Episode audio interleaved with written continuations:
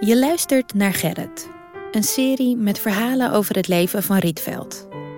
Nederland is een openluchtmuseum voor zijn werk. Van bushokje tot zomerhuis en van villa tot muziekschool. Het Rietveld Schreuderhuis in Utrecht staat net als de Big Ben en de Eiffeltoren op de UNESCO Werelderfgoedlijst. En zijn bekende stoel is te zien in musea over heel de wereld. In deze driedelige serie onderzoek ik wie hij was, wat hem tot een geweldig architect maakt en wat hij heeft achtergelaten. En dat doe ik samen met zijn biograaf Ida van Zijl. Ja, ik zou niet eens weten of je de roodblauwe stoel nou zo uh, mooi kunt noemen. En oud-collega Bertus Mulder. Rietveld lunchte met een glas water en een krentenbol. Aflevering 2. De Pragmaticus.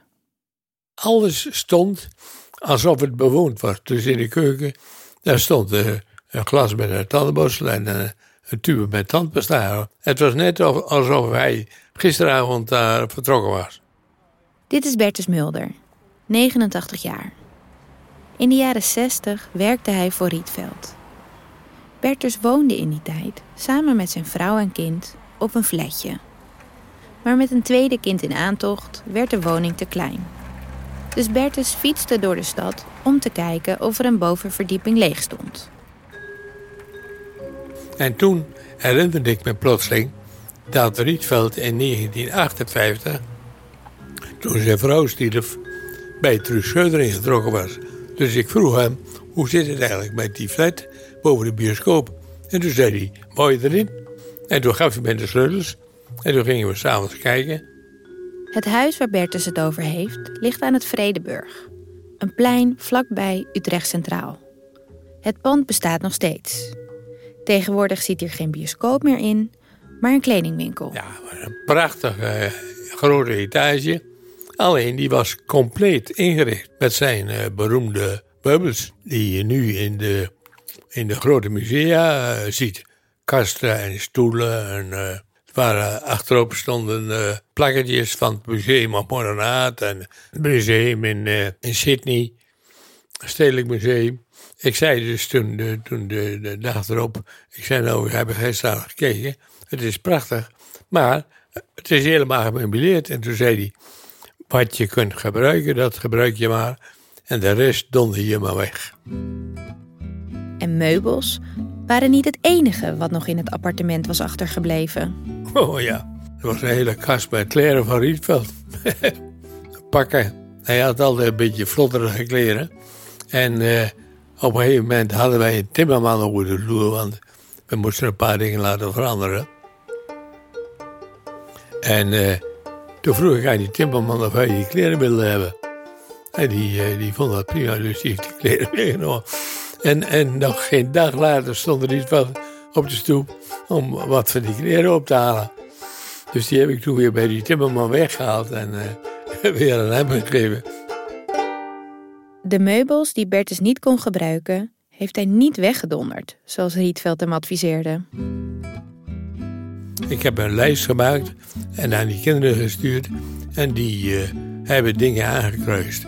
En uh, bijvoorbeeld Beb, de oudste dochter, die heeft de Berlijnse stoel aangekruist waar haar moeder altijd in gezeten had. En die heeft ze een, een, jaar later voor 198.000 gulden verkocht aan het Museum van Modernaat in, uh, in Sydney.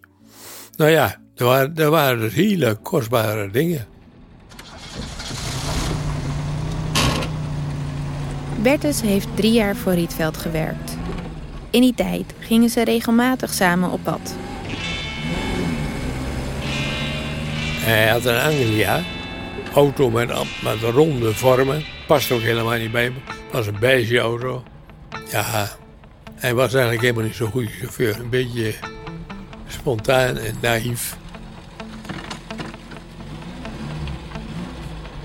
We moesten op een gegeven moment naar die school in Dorp om, om naar de bouw te gaan kijken. En toen, toen was hij verder gereden. En uh, nou, toen draaide hij gewoon op de, op de tweebaansweg. Levensgevaarlijk. Ik, zat op een gegeven moment naast hem in die auto. En toen zag ik dat de binnenkant van de deur, die was eraf. En eh, toen zei ik, wat is er met die deur gebeurd? En toen zei hij, ja, mevrouw Schreuder, die zat daarin. En die, eh, die is altijd bang wanneer ze naast me zit. Dus die had dan zo aan, die, aan, een, een onderdeel van die dubbelkleding getrokken. Die, die was er helemaal af. ja. En hij kreeg nog wel eens een botsing. En dan ging hij altijd maar vooruit dat het zijn schuld was. En dan vulde hij het formulier en dan was hij ermee klaar. Rietveld was een nuchter type.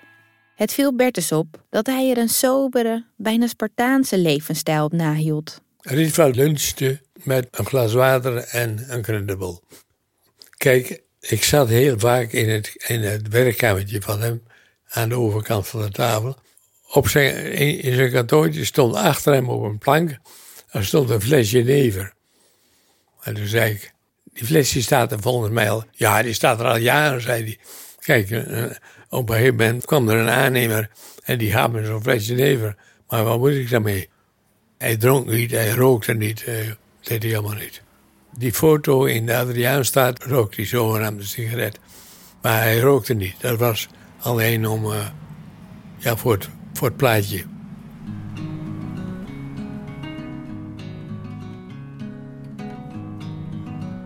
Het pand waar de eerste werkplaats van Rietveld in gevestigd zat, aan de Adriaan van Oostadelaan, bestaat nog steeds. Aan de buitenmuur hangt een foto van Rietveld, zittend in zijn beroemde stoel, met zijn werknemers om hem heen. En hij heeft inderdaad een sigaret in zijn hand. Van buiten ziet het pand er nog vrijwel hetzelfde uit.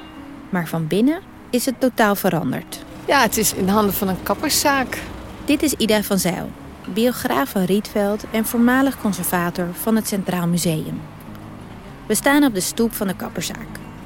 Ze vertelt dat Rietveld in deze werkplaats zijn beroemde stoel ontwierp. Ja, het is eigenlijk een heel raar idee. Hè? De gemeente heeft er een net uh, bordje opgehangen wat uh, naar Rietveld verwijst. Maar verder uh, ja, zou je eigenlijk niet zeggen dat het hier allemaal begonnen is.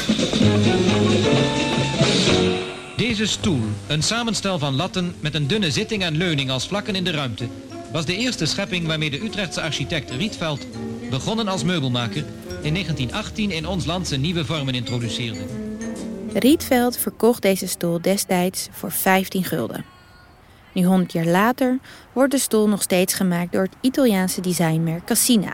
En tegenwoordig kost die zo'n 2000 euro. Ja, ik zou niet eens weten of je de rood-blauwe stoel nou zo uh, mooi kunt noemen. Hè? Zeker niet. Uh, kijk, als je hem in die rood-blauwe versie is die in ieder geval wel vrolijk om naar te kijken.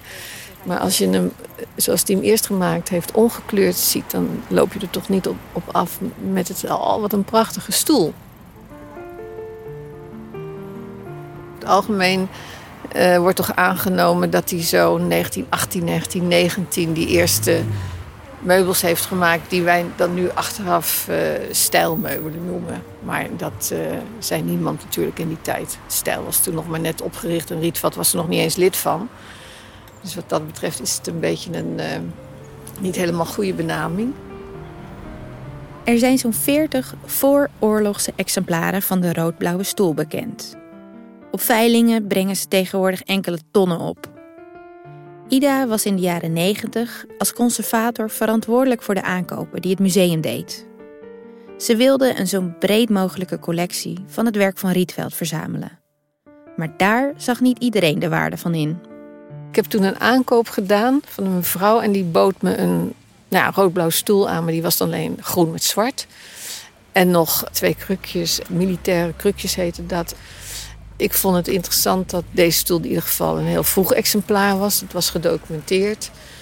En ik dacht ook, het kan helemaal geen kwaad om van sommige dingen meer te hebben. Van die, uh, die leunstoel werd gezegd van ja, wat moet je ermee? We hebben er alleen in deze schoen geschilderd, dus uh, doen we niet.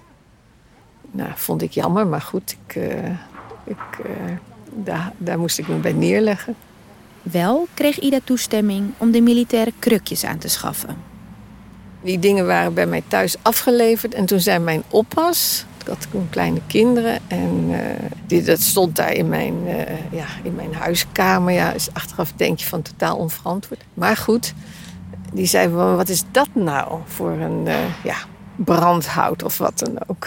Dus ik uitleggen dat het eigenlijk heel erg belangrijk was enzovoorts. Nou ja, ik geloof dat ze vonden dat ik uit mijn nek zat te lullen, maar dat doet er niet toe. De een vindt het brandhout, de ander een meesterwerk. Maar wat maakt zijn werk eigenlijk zo vernieuwend? Dat hij op de een of andere manier zo fanatiek bezig was met iets waarvan hij vond dat dat de ruimte intact moest laten, dat, dat is echt heel erg bijzonder. Dat zie je gewoon, zie je eigenlijk gewoon bij niemand anders. Je ziet zelfs heel erg dat wanneer die stoel bekendheid krijgt, gepubliceerd is in de stijl en zo, dan heb je zo'n jaar of drie, vier, dan beginnen een heleboel van die mensen beginnen dit soort stoelen in elkaar te zetten. Dat is bijna iedereen van Doesburg. Uh, knutselde wat, uh, weet ik wat allemaal. En die hebben dat allemaal dus gewoon niet. En dat vind ik heel bijzonder.